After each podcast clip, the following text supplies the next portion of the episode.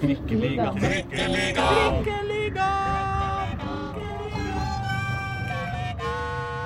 Mine damer, herrer og andre, velkommen til Trikkeligaen sesong 3, episode 11, hvor vi markerer et av årets store høydepunkter, nemlig at Toppserien er i gang straks! Tjoho!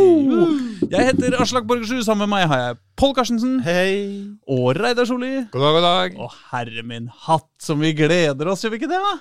Endelig begynner seriespillet igjen. Ikke sant? Det begynner ekte fotball. På alvor. Dere har jo begge to vært eh, på besøk på Ullevål stadion i dag, for der er det sånn event, kan vi kalle det det? Et lite arrangement for å markere denne oppstarten? Der var det som det så fint heter, kickoff Ja, Kickoff heter for toppserien. Med en bukett kapteiner fra de ti toppserielagene. Mm. Og så trenerne, og ikke da, minst selvfølgelig den etter hvert eh, profilerte trener Jon Arne Riise, Mm. som ble lansert som den store nyvinningen i, i kvinnefotballen. Eh, jeg er ikke like sikker på at det blir det, men eh, han var nå der og var lite, like skeptisk til serieoppsettet eller seriesystemet som, som vi er. ja, ikke sant? Det skal vi nesten komme tilbake til. Og vi har eh, med noen intervjuer eh, derfra med eh, ikke med Jon Arne Riise, men med folk som har noe med Oslo-fotballen å gjøre. Det er både trenere og kapteiner, eventuelt visekapteiner i Vålerenga, Røa og Lyn, som, vi, som dere da har møtt. Så det blir eh, spennende å høre. Ja, for vi holder, jo, holder jo så strengt i bygrensa, så det er tre lag som er våre, i gåseøyne. Absolutt. Og den nye, som vi ikke har snakket med før der, er jo da VIF, som kom med sin nye assistenttrener, Steinar Pedersen. Ja, Et uh, spennende, spennende gjensyn. Og når de da i tillegg stiller med kaptein Stine Pedersen, eh, så blir man jo, må man jo lure på om dette er et tvillingpar, eh, egentlig. Stine, Stine og Steinar Pedersen. Eh, Ja, for Pedersen er jo ikke noe vanlig navn, så det, man kan jo spekulere. ja, og men den ørlille detalj at Stine eh, også har eh, et annet etternavn, nemlig Ballisager, og dessuten Er snakker dansk, dansk. Eh, det kan vi ikke ta hensyn til i, eh, i våre små De historiene vi lager inni huet. Samme det.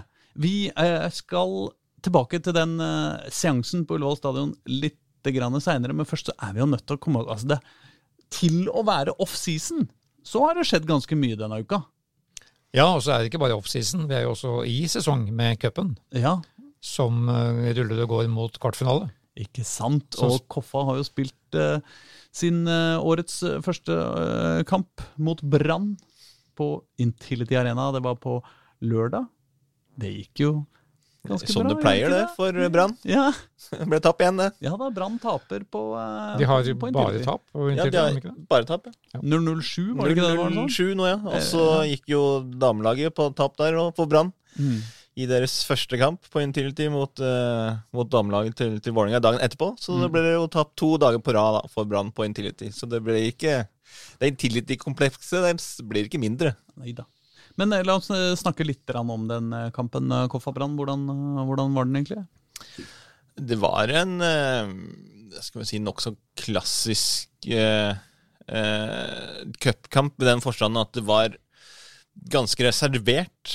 Eh, det, var, altså, tydelig, det var tydelig at det var veldig mye på spill. Mm. Eh, ganske få store målsjanser. Mm. Eh, Brann prøvde jo i hvert fall i starten å ta litt sånn kommandoen, styre litt så spillet, få en god del målsjanser, men Koffa forsvarte seg veldig bra gjennom hele kampen. Mm. Flinke til å, til å avskjære rom, gode én mot én, hadde ganske bra kontroll defensivt. Mm. Slapp jo til litt sånn hist og pist, men ikke noe sånn kjempefarlig. Eh, vår mann eh, Bilal Njaye, som vi jo snakka med på Marbella, Ja. lovte jo at uh, han skulle score alene med keeper og avgjøre uh, for Koffa. Mm. Siden han jo bomma tre alene med keeper mot Raufoss i deres treningskamp på Marbella. Uh, og det gjorde han jo. Ja, det gjorde det. Han holdt, holdt, holdt ord. Ja. Både til oss og til profetene, som han hadde, også hadde lovt at han skulle score og løpe bort til de og feire. Han hadde lovt det på forhånd, ja? Ja, Ja, for det må jeg si jeg reagerte på når jeg satt og så det. Altså det, han, han, altså det er jo en slitekamp. Det er mye løping og mye jobbing. Og Bilal, etter han har scora, så tar han altså et 80 meters spurt bort til de der 15-20 profetene som står i, og, og koser seg i sola, eh, for å juble med egne supportere. Og det er eh, Altså, Vi har sett andre tilfeller denne helga på, eh, på målskårere som har bare løpt rett til nærmeste kamera og ikke brydd seg filla om egne supportere. Men der var Bilal god, syns jeg. Ja, Han lovte det på forhånd, og holdt ord både til oss og til dem. Også så må jeg si at uh, det, det som var veldig gøy med å se på Bilal i den kampen her, er jo at etter da, altså uh, Koffa skårer i det sjette i første minutt. Eh, og, eh, og får jo da en liksom nokså tung eh, slutt på kampen. Altså De må jo jobbe og eh, stenge igjen bak og, og kaste bort tid og kaste bort tid. Og kaste bort tid Og dette eh, forholder spillerne seg ganske slavisk og disiplinert til, unntatt Bilal. Som hver gang han får ballen, bare Nei, da er det nesa rett mot mål og full fart. Og det er ikke noe, det vende hjem og spille til stopperen. Da. Så, da er det, han, eh, så han var jo det eneste angrepsvåpenet til Koffa mot slutten, men det, det er jo deilig å se, da. Det er jo sånn han er som spillertype, og det er mye av det, eh, i hvert fall nå, som sp- spissene deres er ute med skade. Både, både Thomas Clemensen Jacobsen og Fredrik Brustad. Brustad har jo slitt over en lang periode. Men nå uh, spilte de jo med uh, igjen. Det gjorde de jo også mot, uh, mot Sarpsborg. Spilte de jo med han tidligere Skeid-mannen Simen Hestnes som en slags spiss, da, med en sånn falsk nier, eller ja, litt sånn hengende spiss, eller hva du skal kalle det. Og da blir liksom Bilal angrepsvåpenet. Da blir liksom Bilal spissen, på en måte. Ja. Eh, så det er, det er jo stor grad han som liksom skaper ting. Eh, og så skal du jo prøve å kombinere seg fram med de andre spillerne. Men det er han som har liksom denne eksplosiviteten, og som går forbi eh, spillere, og som skaper litt uro i, i bakre rekkene hos motstanderens lag. Og det det samme blir det jo nå når de skal møte Viking Ja, er i eh, Neste lørdag, er det ikke det? jo, kvartfinalen på, på lørdag, også på Intility. Yes. Eh, Kvart over fire er det. Kvart over fire, ja. Da blir det akkurat det samme. Eh, at det blir, eh, det blir jeg, jeg vil tippe at det blir ganske mye av det samme kampbildet. Mm. Eh, de må forsvare seg godt. Eh, Viking er enda bedre til å angripe enn det, enn det Brann er. Men som jeg jo sa når jeg blir, ble intervjua av vår søsteravis Rogalands Avis, Mhm, Snikskryt. Snikskryt. Hashtag. Eh, så vinner nok Viking kanskje sju-åtte av kampene, når begge lagene altså spiller eh, sånn som sånne kamper som kommer. Av ti, liksom? Sju, Av- ti? Ja. ja. Eh, fordi Viking har vært såpass gode i de, over nå en, en god del år. Og de har en, en ganske satt spillestil som er Altså, de, de er rett og slett et- skal være et mye bedre lag da, enn en Koffa. Men så er det jo det der med Koffa som, som har den tendensen at de, de greier å ta de nivåene. Og så greier de liksom å, å, å få utjevna de nivåforskjellene. Og da er det liksom sånn, sånn mot Brann. Ett mål holder for å gå videre. Mm. Og det kan fort skje igjen på, på lørdag. Jeg, tror det stortapet de hadde for Sarpsborg uka før, var, var nyttig. Ja. Nyttig for K5. Mm. Så fordi det er som du sier, de stiger, de stiger litt med motstanden og kvaliteten. Så jeg tror også det blir en kamp mot Viking. Mm. Men um, de, skulle ha, de ville ha publikumsrekord mot Brann. Det klarte de vel ikke helt. De mangla 90. De mangla 90, ja. Ja. Um, Da får de satse på tallet mot Viking isteden. Det er jo kanskje tyngre. Det er færre eh, siddiser enn eh, det er eh, bergensere i Oslo, men, men det er jo også en, tross alt en kvartfinale i NM, da. Så Ja, du har jo den Viking Oslo-gjengen, som sikkert også vil mobilisere, både med de da sidisene som bor i Oslo, og så kommer det jo noen eh, tilreisende fra Stavanger, vil jeg tro. Mm. Så eh, 90 stykker, det er jo liksom nå som det er en kvartfinale og litt sånn. Ja, hadde jo vært litt gøy å fått inn bare sånn 90 stykker til, da. Blir det enda en kamp som NRK har rettighetene til, som, men som de ikke gidder å sende. Ja, det vil du, skal du ikke se bort fra. Ja. Det, de har vel bare lagt opp til én kamp nå også, har de ikke det? Jeg er ikke helt sikker på hvordan sendesystemet til, til NRK er, men det er jo uh, skiskyting i Holmenkollen. Det er skiskyting i Holmenkollen, så den Så- går i hvert fall på nrk.no, om ikke annet. ja da. Så det, eller møte opp for å sette publikum Møte opp, er det, det er vi for. Så er det jo gratis, da. Det trekker jo litt opp også. Mm. Og se det på nrk.no. Det det er gratis. Vi som ikke har eh, alle mulige abonnementer eh, alltid. Samme det. Um, men det har vært eh, flere andre kamper også. Eh, Vålerenga spilte treningskamp mot Sogndal på fredag. Det var jo dagen før, ja. Ja. Eh, der var jo jeg, og jeg, jeg, jo- jeg syns jo igjen at jeg var kanskje mer positiv enn det laget selv oppfatta etterpå. Mm. Men jeg syns uh, Vålerenga var eh, positivt gode. Mm. Først og fremst ved at Vidar Jørn Kjartansson og Amor Lajoni hadde en rekke oppspill sammen. Og det er jo det de har lett etter nå i et år. Å å få til å få styrka det samspillet der. Ikke sant? Hvis Vålerenga kan få en høyreside også, med Vegard Eggen Hedenstad er jo tross alt inne på, på høyrebekken der, og det skal visst ha fungert ganske bra sammen med Amor Lajoni, hører jeg rykter om. Ja, jeg syns det var løfterikt, denne kampen her, Selv om de internt da selv ikke, selvfølgelig ikke er fornøyd med at kampen ender 1-1. Nei. Det hadde vel, jeg hadde vel 9-3 i målsjanser, og det er jo for dårlig uttelling. Så det, det er det det skal handle om fremover, da. Det er avslutninger, uttelling. Ja. Men ørnen er på vei, det er jo det som er det viktigste for eh, VIF. Det er vel lite som blir sagt oftere uh, i uh, offseason i uh, norsk fotball, at uh, vi må ikke se på resultatene. Folk i Norge er altfor opptatt av resultatene i treningskamper og sånn. Men det er klart at når du har et lag som har slitt litt med uttellinga framover de siste åra, og så greier du ett mål mot Sogndal, da uh, er det jo ikke et spesielt godt tegn sånn uh, Nei, men jeg snakket om med, den tidligere legendariske VIF-spiss som nå trener Sogndal, Oh, ja. Tore André Flo. Ah, han er legendarisk, og han er tidligere VIF-spiss. Ja. Men jeg veit ikke om du kan si han er en legendarisk tidligere VIF-spiss eh, for det. Nei, det er nok riktig. Men han har vært, han har vært i VIF og spilt spiss, Ja. og skåra en del mål. Ja da. Han, helt men han er jo da Han var ikke katastrofe. Hva sa du? Han var ikke katastrofe i Vålerenga. Nei, det var Han var han nok ikke. ikke verdt penga, men, eh, men han var ikke katastrofe heller. Nei, det var han ikke. Men han var da, men nå er jo han veldig positiv, uansett hvilken retninger hans og hvilke lag han ser på. Ja. Så han hadde jo veldig tro på dette VIF-laget, da. Oh, ja. uh, han syntes de møtte et veldig godt lag, men eh, som han sa, de skapte jo tre svære sjanser mot dem. Mm. Og det og Kjetil Haug hadde jo en matchvinnerredning der, alene med keeper. Ja. Så um, Tor André Flo eh, var for et hyggelig gjensyn i VIF-miljøet. Men de møtes jo ikke mer i år, hvis de ikke møtes i neste cup, som er, kommer etter at den cupen vi har snakka om, er ferdig.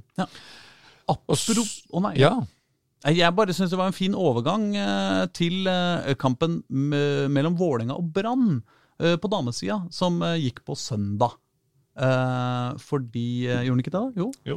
Eh, fordi eh, også der eh, sa vel eh, treneren for det ene laget at det andre laget kom til å bli veldig godt uh, denne sesongen. Det, nærmere bestemt eh, Vålerengas trener Nils Lekserød uh, mente at Brann kom til å vinne serien, gjorde han ikke det? han snakket, han snakket eget lag veldig ned ja, etter den kampen, men der var jo du, Pål, så dette vet du mer om. Ja, det er jeg egentlig helt eh, enig i, med, eh, med den samme, samme oppfattelsen som jeg har, eh, som du hadde. At Vålerenga spilte en veldig god kamp. Jeg syns de var eh, veldig flinke i toppresset sitt. At eh, både Spesielt Agnete Nilsen og, og Elise Thorsnes. Elise Thorsnes ja, på topp der. De var veldig flinke til, også, til å sette det toppresset, og at uh, midtbanespillerne var veldig gode til å også, uh, skjære av rom. eh, og at de, liksom, de ikke kunne De fikk ikke noe pasnings... Altså de fikk ikke til noe pasningsspill, og de ble stressa i, i oppspillsfasen. Mm. Slik at Vålerenga greide også, også håper jeg, de, de lot de spille inn i de rommene som Vålerenga hadde kontroll på, der de kunne snappe ballen. Mm. Eh, og det, var, det er noe som vi har sett som kanskje er den største forandringen fra Jack Maigard Nilsen sin tid. At det, der, eh, det presset, det presspillet, at det sitter mye bedre. Så det syns jeg var veldig positivt. Og selvfølgelig så skårte de jo De skapte ikke all verden, eh, eh, Vålerenga, men de skårte jo på de sjansene de fikk. Ja, det ble 2-0, ble det ikke det? 2-0 ble det, og Elise Thorsnes skårte begge målene. Og det òg er veldig viktig for, uh, for Vålerenga, fordi og leverte nok litt under det Vålerenga hadde håp på i fjor. Eh, men nå, som jo har skåret nå i den kampen her, og skårte mot, mot Avaldsnes sist, så har, jo, så har de veldig stor tro på at hun skal levere en god sesong, og det, det er de jo også avhengig av. Men altså, der òg Jeg var nok mer positiv enn det eh, Lekserød var, for han sa jo det at selv om vi slår de i dag, så er det Brann som er klare gullfavoritter, og vi må bli mye bedre neste gang vi møter de. Og det er liksom, ja, I generalprøven, når du slår laget som er utropt til gale gullfavoritt 2-0, så skulle du tro at her var det mye positivt. Og det er det jo selvfølgelig, men eh, Men eh, Nei, jeg, jeg, har litt trua, jeg. Ja. Vi får håpe at uh, Tore André Flo har rett og Nils Lekserød tar feil. Ja, det er Eh, en gøy oppsummering. ja, ja, kan vi ikke bare, bare si det sånn, da? Ehm, eh, ja, og da er vi igjen Nei! Og så har Mjøndalen uh, spilt Ja, for jeg skulle jo da eh, egentlig etter planen dra rett fra um, Intility til Konsto Arena i Mjøndalen ja. klokka fire på en fredag. Men Ja. fire på en fredag, når man da skal forsere Drammen Nei, Drammensveien, heter Ja, det? ja, eller ja. E18, E18, ja. kan. Så den gikk ikke opp. Så den måtte jeg nøye meg med å se på TV. Jeg liker jo ikke det. Altså, Fotball skal man se live. Ja. Det er utgangspunktet. Men eh, kort fortalt, Skeid gjorde en veldig imponerende kamp, faktisk. Eh, vant fortjent 3-1. Eh, I en kamp som de styrte og viste veldig mye bra, bra spill. Eh, overraskende mye ballbesittelse. Hadde selvtillit i alt den dreiv med. Jonny Budøsson, som eh, skal, er jo blir toppskårer for dette laget, skårte igjen. David Hiksen og Gabriel Andersen som satte inn 3-1 på, på overtid. Mm. Etter at Mjørndalen hadde et visst press på, i sluttfasen der. Men i det store og hele en veldig bra kamp av Skeid. Overraskende, faktisk. Jeg vet ikke om jeg er mest overraska over deres gode spill enn at Mjøndalen var såpass svake. Men eh, det var vel kanskje en kombinasjon. Så jeg var da, for jeg var da på Skeidhuset kvelden før, på en slags medlemskveld der. Ja. Eh, hvor jeg selvfølgelig bare tok sølv i quizen, som jeg da måtte være med på et lag der. Men det er jo, og sølv er jo noe som kjent nederlag. Absolutt. Men, Hvem eh, tok gull? Var det noen eh, Nei, det var et bord da med Ja. veteraner som huska målskårerne fra cupfinalen i 1948. Ja. Og der var ikke jeg, dessverre. Nei, nei. nei. nei. Men det er nå så. Men da snakka jeg med Igor Aase, som da var mannen som skulle lede laget dagen etter, fordi Garut Holme er på, var på Uefa pro-lisenskurs, eller hva det nå heter. Trenerkurs Mm. i England. Mm. Uh, så Igor Aase hadde vel da sin debut som lagleder sammen med Morten Berre. Ja. Og det var jo da en veldig, veldig positiv opplevelse. Mm. Um, Dette burde vi ha dekka dagen etter, sånn at vi kunne dra den eh, klassiske Igor i går-vitsen. nemlig. Men um, der var vi ikke. Nei, Vi var ikke det. Men jeg var på enda et årsmøte. Skal jeg ta en kort, kort versjon av det òg? Ja, for du var på Vålerenga-årsmøte i går. Vålinga årsmøte hadde, Vålinga hadde årsmøte mandag kveld, ja. Ja. Og der skulle da Dag Arle Fagermo forelese litt om ståa. Mm. Og han var jo den eneste i forsamlingen. Det var snaut 100 stykker der. De, de håper jo på medlemsvekst, fordi de vil ha en medlemsstyrt klubb. Mm. Um, så han snakket om at uh, Vålerenga skal ta medalje, kjempe om medalje hvert år. Dette har vi hørt før, og Mm. dette skal vi få høre mer av. Det var eh, ikke noe mas der om noe seriegull fra noen. Eh, styreleder Tuva Ørbekk Sørheim understrekte at Vålerenga skal være Norges beste utviklingsklubb. Ja. ja. Så da vet vi det. Da vet vi det. Det gikk vel med et større overskudd som de ikke kan huske før, men så er ikke det overskuddet så reelt som det kan høres ut som, på ca. 15 millioner. Fordi øh, økonomisjefen i VIF Fotball AS, Mm. som tidligere har jobba i, i um, NFF, Rune Riberg, hadde en interessant forelesning om hvor komplekst et spillersalg kan være. Så disse spillersalgene Vålerenga hadde i fjor, Mm. der er, det- er det fortsatt nesten 40 millioner som ikke har kommet inn av penger. Ja. Men de skal trille da inn, i- inn i år og neste år og året etter der igjen. Og så er det masse detaljer rundt uh, fordeling på de breddeklubben og solidaritetsmidler Ja. og agenten som skal ha litt, og mange skal ha litt. Så likviditeten i VIF, som i praksis betyr evnen til å betale lønninger her og nå, og regninger, Mm. den er ikke all verden. Men det betyr vel samtidig også at hvis man går i banken og sier hei, du kan jeg få et lån på eh, ti millioner, for jeg skulle gjerne kjøpt en, uh, en artig liten spiss fra uh, et eller annet sted. Kan jeg få et lån på 10 millioner? Jeg har 15 millioner i Eller 40 millioner i utestående.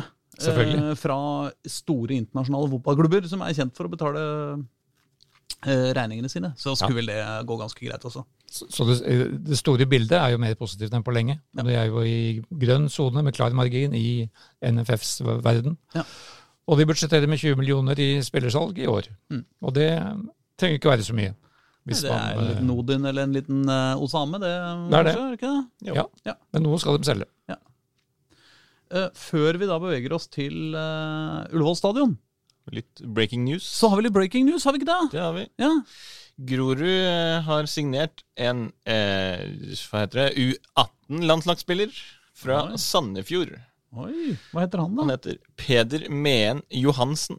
Peder Mehen? Meen. Mehen? Med to e-er. Oi, Mehen Johansen. Han var med Kanskje man kan uttale det Min, da? Så liksom Min Johansen. To, Peder Min Johansen? Ikke metoo, Johansen, men Me- Johansen. Nei, nei, nei, nei. Nei, da. nei men så hyggelig, da. Ja, han var jo med laget på Marbella. Og fikk spille den siste omgangen mot uh, Fredrikstad. Og har jo imponert eh, såpass, både i uh, treningsopphold og i kamp, at de valgte å signere en treårskontrakt med, med 18-åringen som fikk uh, eliteseriedebuten som eh, 16-åring allerede tilbake i 2020 Oi. for eh, Sandefjord. Han har åtte eliteseriekamper, én cupkamp for Sandefjord, og så har han spilt fire eh, landskamper da, for U18-landslaget. Men hvor på banen spiller han? Han spiller midtbane, så det er en slags, en slags Safaris-erstatter. Selv om det blir ikke en det blir ikke en like for like, det er ikke samme, helt samme spilletype. Mm. Men, eh, men eh, de er i samme alderssegment. Mm. Han også er en sånn type spiller som, som Grorud har hatt god erfaring med fra tidligere. Talentfull Talentfulle eh, spillere som de kan utvikle og selge videre. Som de har veldig stor eh, tro på. Ja. Eh, Jønnes Nilsen, Grorud-treneren, behyrer han som en god ballspiller som tilfører de noe på midtbanen som de ikke har. Eh, han er fotballsmart og ser hvilke rom han skal angripe. Eh, både i angrep og, i- og forsvare i forsvar. Mm. Eh, han er både lærevillig og læringsdyktig, og de tingene kombinert i en unggutt har vi veldig stor tro på, sier han Ja. til Dagsavisen. I saken da, som blir sluppet eh, hvert øyeblikk når vi sitter her og snakker. Bra! Men da kan vi bevege oss til uh, Ullevål stadion. Men før dere fikk snakke med, med toppseriespillerne, så var det en annen ting som ble, ble gjort kjent. Det er jo det nye landslagsuttaket. Der uh, fikk Veitvet én spiller, eh, unge André Hansen. Sagen-området fikk eh, Omar El Abdelawi. Eh, det er vel Tåsen eh, og omegn eh, fikk sin Mats Møller Dæhlie. Eh, og eh, Romsås eh, stolthet eh, Joshua King er selvfølgelig på plass. Jeg bare tenkte det var greit å nevne det. Ja, det- Veldig logisk. Ja, så sies det i og for seg at Ola Solbakken også er født i Oslo, sjøl om han er oppvokst i uh, Trøndelag. Og så er det noen tvilstilfeller rundt uh, Morten Thorsby, Sander Berge og Andreas Hanke Olsen. Men de er vel bæringer hele gjengen, tror jeg. altså. Nei, de er vel Morten Thorsby er vel Heming-guttan. Å oh, ja, han er det, ja. Ja, ja. Thorsby Morten er fra Heming. Ja, Han er ikke tvilstilfelle. Nei, han er ikke noe tvilstilfelle. Oslos store sønn nesten er en av de bedre Flott. Unnskyld, da trekker jeg det tilbake. Han har bare spilt så mye borti Bærum. Ja. Så det er litt eh, vanskelig å, å forholde seg til. Vi har jo også noen som ble tatt ut på U21-landslaget. Ja, Tidligere Vålerenga-keeper Kristoffer Claesson, blant annet. Samt sammen med de her eh, evige si, U21-gutta Tobias Christensen og eh, Osame Zarawi, som er med. Og da Lyn-gutt eh, Botheim må vi jo nevne, som er tatt med fordi de skal spille kvalifiseringskamper, mens eh, A-laget bare skal spille noen eh, ubetydelige treningskamper. Ja. Så da har vi eh, vært innom det. Da har vi det på sted. Så Da uh, kan vi møte uh, toppserie, toppseriens uh, profiler og, og trenere, skal vi ikke det? Det kan vi gjøre. Og da lurer jeg på om vi først skal Om vi skal begynne på, på Vålerenga, ja, for å gjøre det enkelt. Det kan vi godt. Der har vi jo kaptein Stine Ballesager Pedersen, som Ja. Mm. tok turen. Og tidligere nevnte Steinar Pedersen. Ja, Men de er Ja. eh, hver for seg, så vi kan begynne med Stine. Ja, og det er jo eh, Kommer fra Kristiansand. Så det er jo eh, sånn den der eh, dialekten fra Kristiansand til Danmark er ikke så langt unna. Kommer Stine Ballisager Pedersen Nei. fra Kristiansand? Steinar. Oh, ja, ja, Steinar, ja. ja. Sånn, ja. Så det, du prøvde jo tidligere her å Ja, ja, ja, ja, ja, slå et slag for at de skulle være slekt, og det er ikke så langt fra Kristiansand til Danmark. Nei, altså det er, eh, Hvis du seiler deg litt grann vill med dobbeltskølleren din, så, så, er du fort, så er du fort i Danmark. Men det var jo, det var jo en liten fellesseanse der først, hvor alle disse kapteinene satt uh, mønstret opp. Og Ja. alle snakket om Brann og Rosenborg, vel, som gullkandidatene. Ja. Men uh, dette sier vel Stine litt om. Ja. God generalprøve betyr Ja. La oss bare si at vi har prestert godt og hadde en god kamp, så vi er, vi er klare til serien. Dere har fått helt nytt uh, trenerregime. Hva, hva har det betydd? Øhm, altså, de trænere, der er kommet ind, det har været virkelig, virkelig godt. Altså, øh, Nils er god, Steiner er god, og jeg synes virkelig, de har formået at få det bedste ud af preseason. Slik vi ser det utenfor, så, så er det enda mer fokus på høyt press og ganske kraftkrevende stil. Er det en riktig observasjon, og hvordan takler dere den endringen? Øh, det er den riktige observasjonen, og jeg synes også, øh, det, altså det gavner os virkelig godt, og det klæder os, øhm, fordi vi får så meget ud af det. Øhm, selvfølgelig kan vi nok ikke holde højt pres i en hel kamp, men vi er gode til at justere det, når vi skal. Ja, og treningsmessig så takler dere en, eh, en økt intensitet. Mm, ja, i, øhm, jamen, siden preseason startede i starten af januar, har vi formået at øge og øge og komme i bedre form og blive bedre til systemet, og øhm, det ser godt ud. Hva skal vi si er den største forskjellen fra hvis vi skrur klokka tilbake ett år til i dag? Øh, jamen, den største forskel må vel være en ny træner og et nyt spilsystem, som vi har øh, brugt preseason på, øh, på at lære. Ja. Og så er dere kanskje ferdig med covid-19, som mange av oss andre? Forhåpentlig. forhåpentlig. Det er deilig å komme i gang til, til riktig tid i år. Ja. Eh, ambisjonene, har dere internt i gruppa definert det ennå? Ja, det har vi snakket om, og vi vil øh, have som mål å kvalifisere oss til Champions League, så det betyder en top 2. Topp to. Og det nye seriesystemet, som vi da må spørre alle om, hva er din oppfatning av det? Øhm, jamen, som det også ble snakket om her, øhm, så synes jeg, det er riktig godt, at man får øh, flere kampe mot øh, tettere modstandere. Øh, poengsystemet bagefter, synes jeg, er litt merkelig, men det må vi ta. Yes. Godt, lykke til. Tak. Det var Stine Ballisager Pedersen, og da kan vi like så godt uh, slippe til navnebror uh, og muligens ektebror Nei da! Unnskyld at jeg sier det om og om igjen. Steinar Pedersen, ny assistenttreneren på Vålerenga. Ja, for han kom inn som en overraskelse her i, i vinter. Absolutt. Jeg husker han fra da han spilte for Start, toppfotball, på 90 90-tallet. Uh, og hadde jo en stor internasjonal karriere. Uh, og er jo, som jeg da snakker han om, han er jo det store quiz-svaret i norsk fotball. Fordi det, dette er navnet som ingen husker når norske vinnere av Mesterligaen skal ramses opp. Ja. Men, eh, så det måtte han også få et lite spørsmål om, da, selvfølgelig. Men eh, veldig, jeg tror veldig bra tilvekst til trenerteamet til VIF. Han har kunnskap på mange felt og har trent både kvinner og menn. Vi får høre hva han har å si. Steinar Pedersen, velkommen til Oslo. Det var en overraskelse å komme og få- se deg her i Vålerengas trenerapparat. Hva, hva skjedde? Nei, det var en, eh, en litt sånn lang prosess gjennom januar. Eh, Jeg har jobba sammen med Nils før. Vi, er, eh, vi jobba sammen på Jenter 19-landslag i 2018. Eh, Vi kjenner hverandre godt og hadde veldig god kjemi da. Har det fremdeles. Og, og, og deler mye av de samme ambisjonene og verdiene som, eh, som gjør at vi som team skal eh, være med og løfte den gjengen som vi har ansvar for nå. Du har da trent både herrelag og, og, og kvinnelag. Eh, Du har sikkert fått spørsmålet før. Er det noen stor forskjell? Ja, altså Spillet er jo det samme. Eh, noen forskjeller er det òg. Selvfølgelig er det det. det Jon Arne var litt inne på det. Litt, eh, noen eh, utfordringer som du må håndtere på kvinnesida som du nødvendigvis ikke møter på herresida. Men også Og så er det den, det, det, det fysiske aspektet. Men samtidig så er det spillet det samme. Og, og det handler om utvikling. Det handler om å gjøre de utøverne du har ansvar for, best mulig rusta til å vinne kamper. Eh, utvikle seg og prestere godt eh, med alt hva det innebærer. Så, eh, så det er det er same same, but a little bit different. Det er ikke alle som kjenner din bakgrunn, men jeg nevner da at du er et av de mest berømte svar i en i fotballquiz. Uh, Hvor lei er du av det å, å være i den rollen? Å være en quiz?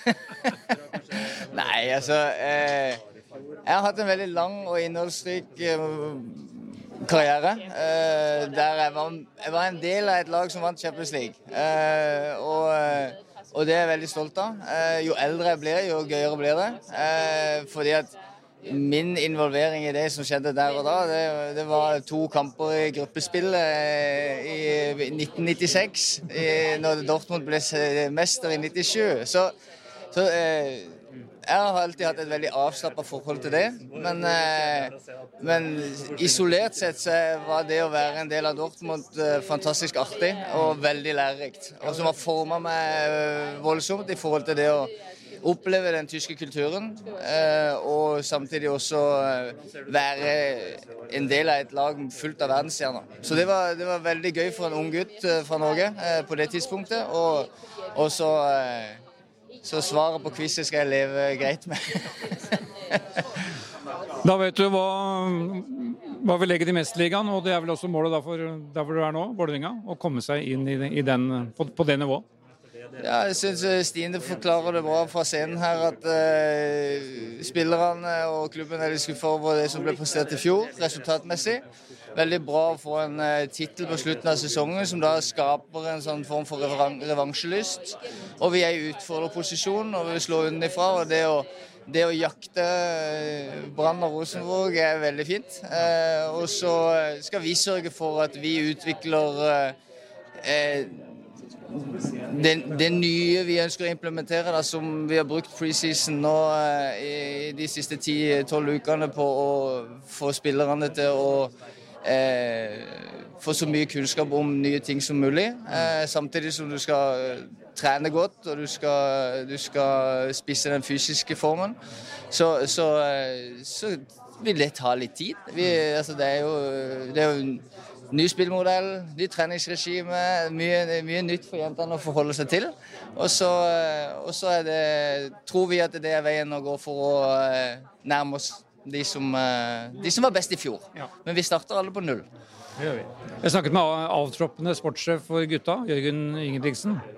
Han mente at Vålerenga totalt har så mye gode trenerressurser. så at det, det burde, han, han håper at det blir bedre samarbeid mellom kvinne- og herregjengen. Jeg vet ikke hvilken det er, er det i dag, men ser du også den potensialet der? Det, totalt sett er det fantastiske ressurser klubben har. Absolutt.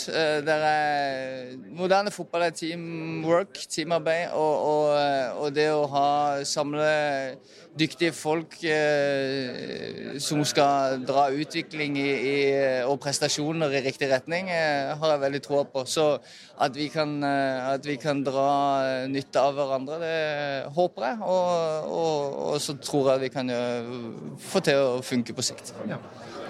Hva slags målinger får vi se mot Stabæk mandag kveld?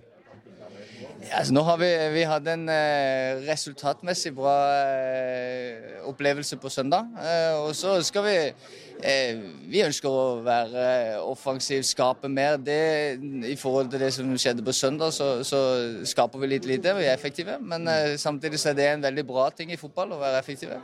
Så, så vi ønsker å være et eh, sjanseskapende, offensivt lag som, som gir masse trøbbel for, for motstanderne. Så så vi, vi, gleder oss masse til mandag eh, og ser fram til å komme i gang. Eh, og så, så, er jeg helt sikker på at vi blir bedre og bedre og skal slå godt fra oss. Der, ja, der var vi eh, ferdig med Steinar Pedersen. Og da skal vi bevege oss eh, vestover i hovedstaden. Skal vi like så godt eh, hoppe til, til Lyn, da?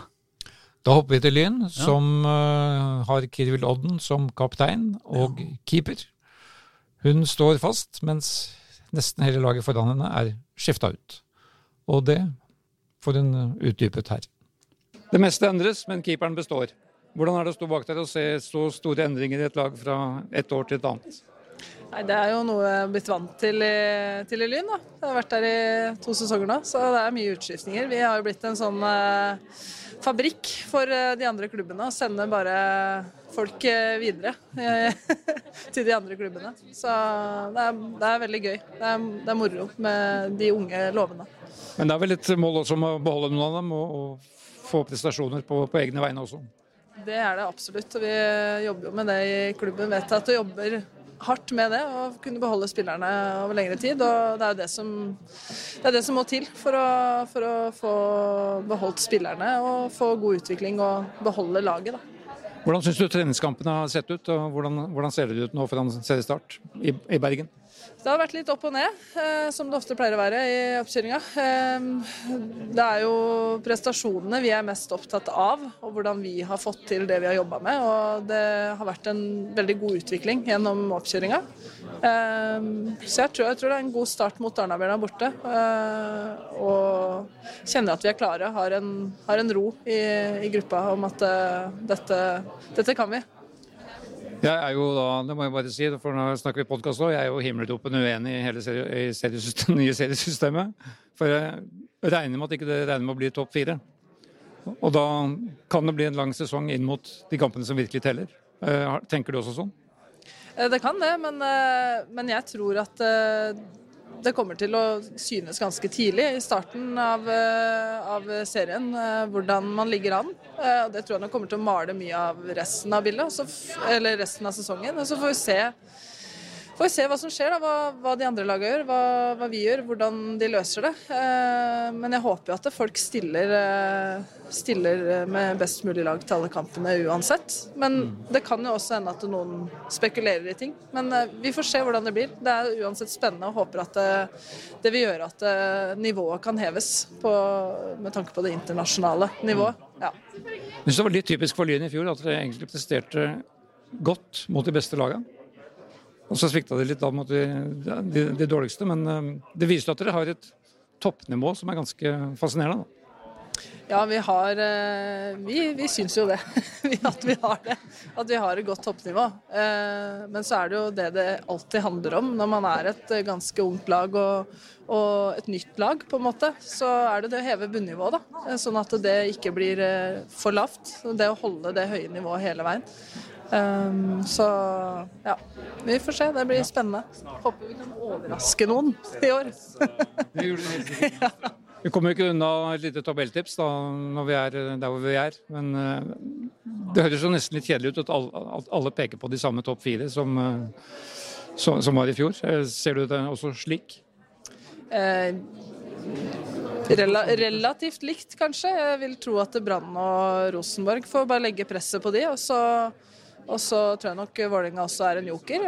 Ellers så tror jeg den fjerdeplassen kommer til å være ganske åpen, hvis jeg skal være ærlig. Jeg tror det kommer til å bli en god fight, og det er flere lag som, som er sultne på den plassen. Eh, som kan overraske. Jeg håper, en, jeg håper vi får en overraskelse der. Jeg håper at man liksom får utfordra systemet litt, da, hvis det er lov å si. Fordi at det, eh, det er eh, det er de fire laga, de fire store, begynner å si nå, eh, som alle spår. Så jeg får håpe at noen kan rote litt i den gryta der og, og overraske. Alle snakker om profesjonaliseringen av kvinnefotballen, og at hverdagen deres blir at dere kan fokusere mer på fotball og mindre på annet. Har du merka noe til det? Jeg har merka noe til det. Nå har jeg vært der i ganske mange år. Eh, så jeg sjøl har jo merka til det, og jeg ser også at de de spillerne som er yngre også får det eh, får en bedre hverdag, en enklere hverdag. Det er det det handler om, som de sier. Det er med å kunne jobbe mindre, studere mindre, satse mer på fotballen eh, gradvis. Så jeg har jo jeg har sett den utviklinga som allerede har vært. Og som jeg sier til Hege Jørgensen, jeg gleder meg til å se hvor det går videre. Jeg ønsker at disse barna mine skal kunne gjøre dette på heltid. Det er jo målet. Flott. Takk skal du ha. Kirvil er fin navn, altså. Ja, ja. Uvanlig og topp. Um, det var uh, Men da skal vi videre til treneren, som jo faktisk er den eneste treneren i Oslos uh, topp uh, kvinnefotball som vi ikke har snakka med skikkelig her på, ja. på podden før. Han må vi jo få inn i podkasten her etter hvert, når sesongen kommer i gang. Tom Stenvold har Jeg var spent på om han, han um, Hvordan han liker å jobbe med et lag når han mister, mister alle sine profilerte spillere.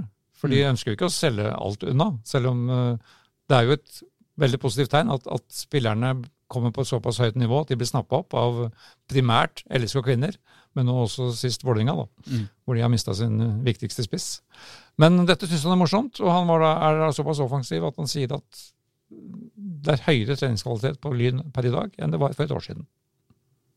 Tom Stenvold, ny sesong og ikke minst et helt nytt lag i, i gåseøyne.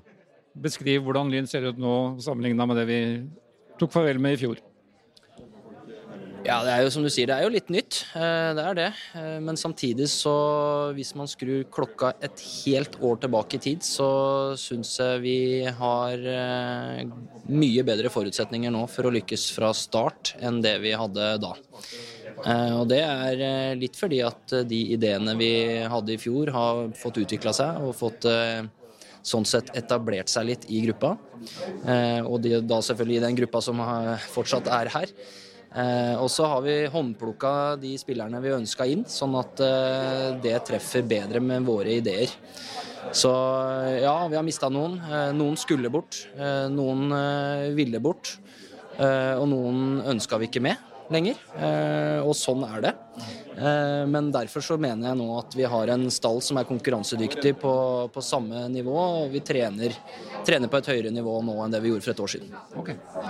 Du sier at du har håndplukka spillere inn. Hvor, hvor vanskelig er hvor lett er det i et marked hvor eh, faktisk nesten 60% av ligaen er i Store Oslo? Ja. Nei, det er ikke lett det, men eh, det er jo da man skal være såpass freidig å si at vi er ganske gode til det. da. For at eh, vi er- jobber jo på et eh, marked som er eh, Hvis man, man snakker om topplagene som sitter på en helt annen pengesekk enn det vi gjør, så, så plukker jo de spillere ifra, ifra oss andre toppserieklubbene, mens vi da må kartlegge spillere i divisjonene under, og unge spillere. Og Det er jo der kanskje vi skiller oss litt ut, ved at vi gir de unge spillerne sjansen og, og, og ser de unge spillerne på en litt annen måte. Og, og eh, derfor så utvikler vi også unge spillere som kan ta det neste steget. Da. Du sier at dere, at du er egentlig at dere trener bedre, slik jeg tolker det, nå enn dere gjorde for et år siden. Skyldes det altså de spillerne du har henta inn, som, som da passer inn i det mønsteret du liker å se? Ja, og det handler om at eh, jeg som trener også eh, er bedre. Eh, ikke bare spillerne. Eh, jeg tror at eh, når man kommer inn som trener i, i toppserien, så må man lære seg toppserien å kjenne.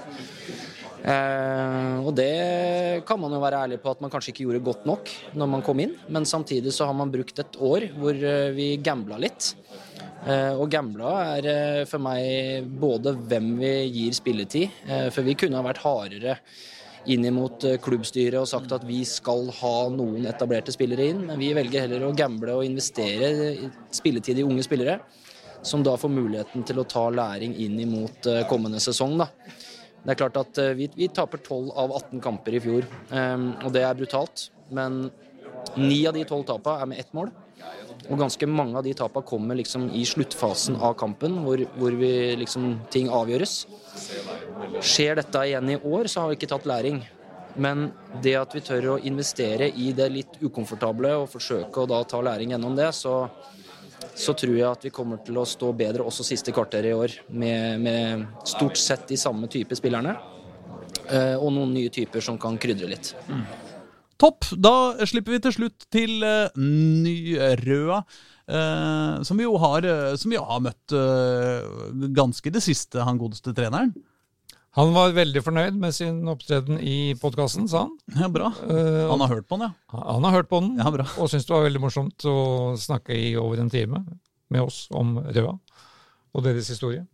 Så han skal vi ikke introdusere for mye. Geir Nordby vet vi alle hvem er. Han er den store legenden egentlig i kvinnefotballen. Mm.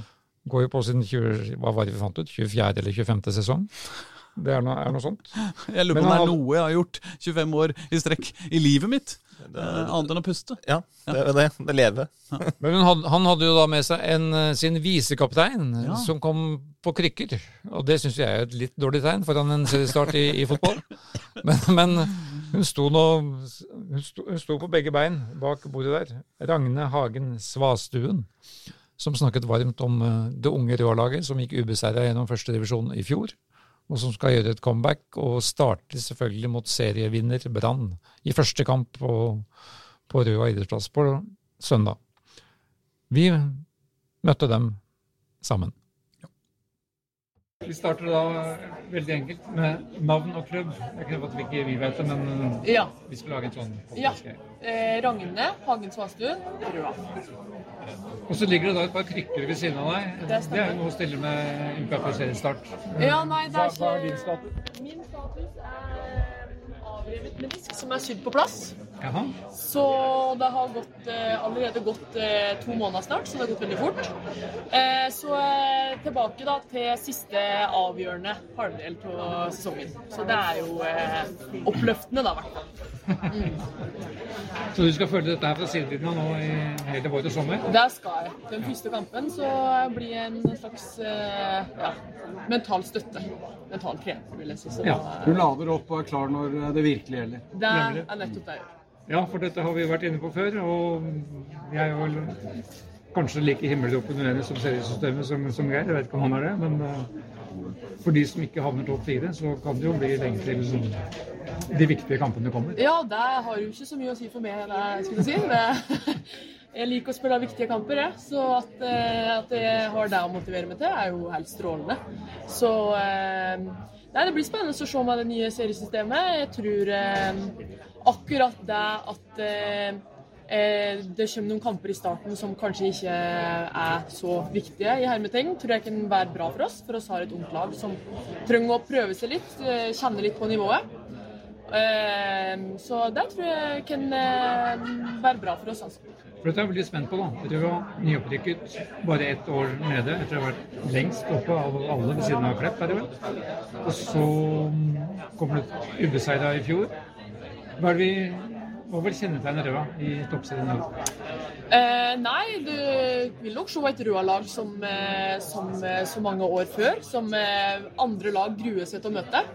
Eh, de vet hva de treffer på når de kommer på Røa-banen, og det er jo som en Strauss og treneren til Brann at eh, det blir alltid jevne kamper. Og det blir alltid, alltid krig til sist- siste slutt.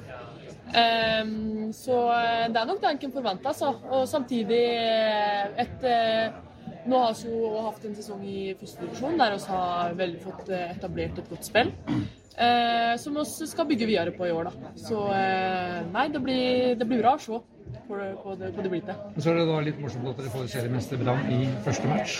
Hvordan skal dere angripe det? Nei, jeg tenker nå at eh, det er noe fryktelig mange her som har lagt på Brann et slags favorittstempel. Så det er nå helt strålende, det. De, at de skal komme til Røa-banen med litt sånn Litt sånn forventningspress, og, eh, og eh, tenke at, eh, at denne kampen, at de skal vinne kampen, det burde de ikke. Fordi eh, jeg tror at Jo da, det burde de. det kommer nok til å smelle, i hvert fall. Ja. Det gjør det. Det er det ikke noe tvil om. Så er det litt morsomt med Røa, da, som er akkurat motsatt av eh, det som er veldig fokus i andre klubber, hvor, eh, hvor klubbene tar over navnene til herreklubbene. Ja. Mens Røa er en selvstendig enhet som er bygd opp med jentelaget, Mm. Dynamite Girls. Mm. Dere er et eget merkenavn, og det er, Røa, det er damelaget som er Røa. Mm.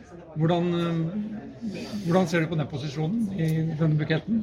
Nei, det er jo Nå har jo jeg vært i eh, Røa i fire år, og eh, det er jo litt slik En, en ser jo Kjenner jo på den kulturen da, som er i laget, og de Det er jo en veldig sterk eh, kultur med tanke på eh, resultatene som har vært, og den historien som det kvinnelaget her har. da. Så det er jo noe oss spillerne fører på, da, og det er jo ikke noe tvil om at eh, Røa er et damelag som skal spille i toppserien. Eh, og det var noe eh, jeg følte sterkt på, da er et ansvar som jeg følte sterkt på da vi rykka ned. Eh, og noe jeg òg tror og at eh, andre òg følte sterkt på, da, som gjør at eh, at eh, oss fikk eh, samla ordentlig med krefter og rykka rett opp igjen. Ja. Så eh, jeg tenker at eh, Røa er jo et eh, kvinnelag som, eh, som skal være godt etablert i toppserien, og, og snart begynne å hevde seg i toppen, tenker jeg da. Er det mestvinnende Oslo-laget Nettopp. i fotball? Kort og godt. Ja, så vi puster godt, vi med egen uh, surstoffflaske. Det, er, eh, det er litt annerledes enn det veldig mange andre er. Så vi eh, Det er jo sånn vi ønsker å fremstå, og så ønsker vi å ha, ta den utfordringen om at det er eh, flere veier til eh, Rom, eller førsteplass. Nemlig. Geir, du var jo gjest hos oss for noen eh, uker siden. Ja, det var veldig kult. Det var veldig kult å ha deg som gjest også. Og hva, hva har skjedd siden? Eh, Er du fornøyd med sportslig utviklinga i treningskampene Nei, siden da? altså etter det så har det gått bare nedover. Så vi må fylle opp den der flaska nå. Det skal vi gjøre i løpet av uka. Eh, nei, vi har jo hatt litt utfordringer med korona og litt småskavanker. Men Så vi, vi prøver nå og ruste oss ordentlig nå denne siste eh, uka opp mot eh, Brann. Og så ser vi på den som eh, egentlig alt å vinne. Eh, men skulle gjerne hatt med Ragne Det skjønner jeg. Eh, selvfølgelig i, i den matchen, og ikke minst i kampen utover.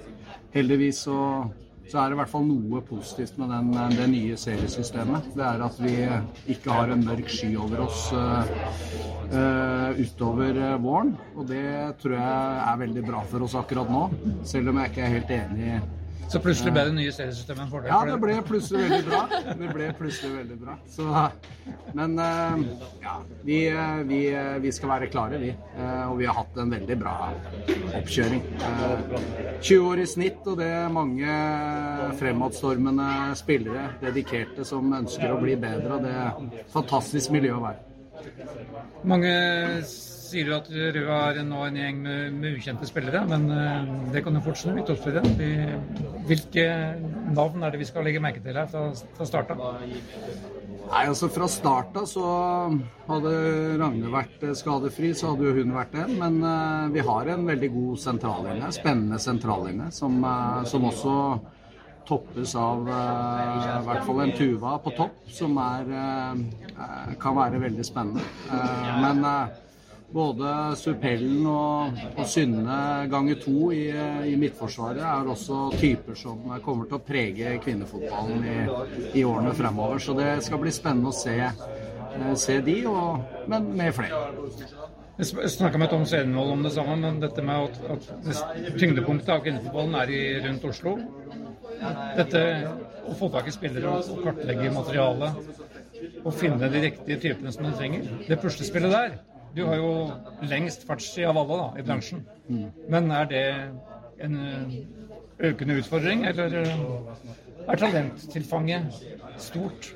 Altså, Det blir jo litt sånn uh, forskjellig i forhold til uh, hva du på en måte eh, kan betale for. Uh, de er jo ikke så vanskelig å finne.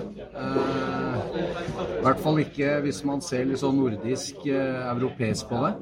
Eh, men de som eh, ikke koster noe, de eh, de er litt mer jevnt. Så det, det er mer tidkrevende. Og det merker jeg at det, det å finne liksom de typene, det tar mer og mer tid. Men uh, vi jo, har jo en ganske bra spillelogistikk i, i klubben nå forankra, så håper at det også skal bli en, uh, et bedre område for, uh, som vil gagne Røa også framover. Hvordan er den loka lokale entusiasmen her ute Jo, ja, så det er jo noe av det som er eh, en del av vår identitet nå framover. Det skal være at vi skal ut, utvikle uskrevne blader eh, som vi også skal sende videre med, med, med gevinst eh, tilbake.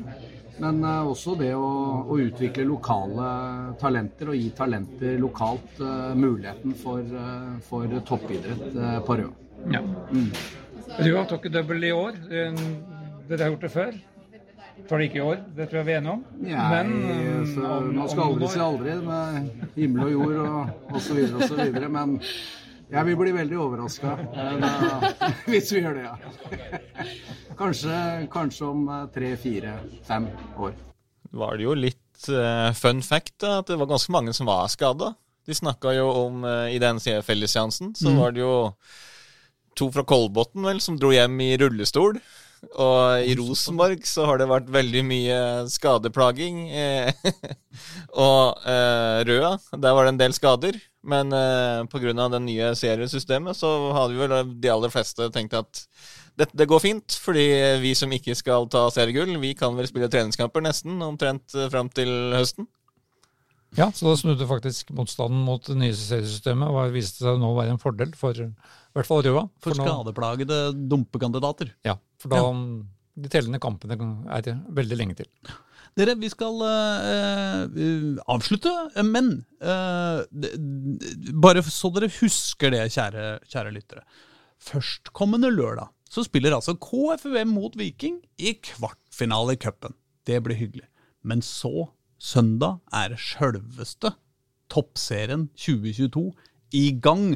Den sparker av gårde med toppoppgjøret Arna-Bjørnar mot Lyn eh, klokka tre. Eh, og eh, Røa mot Brann. Uh, sånn at hvis du skal se uh, toppseriefotball i Oslo på søndag, så er du nødt til å komme deg til uh, Røa idrettsplass. idrettsplass. Uh, på mandag kveld, flomlyskamp på Intility. Vålerenga mot Stabæk. Sendes live på NRK1. Det blir koselig. Da Og da kan vi si at serien eh, skikkelig er i gang. Da, Året er i gang. da er fotballåret i gang. Er tilbake. Og vi må også legge til at KFM, hvis de skulle slå Viking på lørdag, så setter de da rek- klubbrekord i avansement i cupen.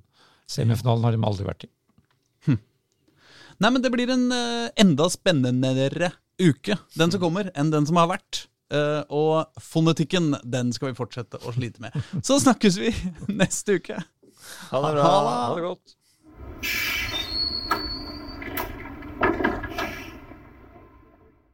Du har hørt en podkast fra Dagsavisen.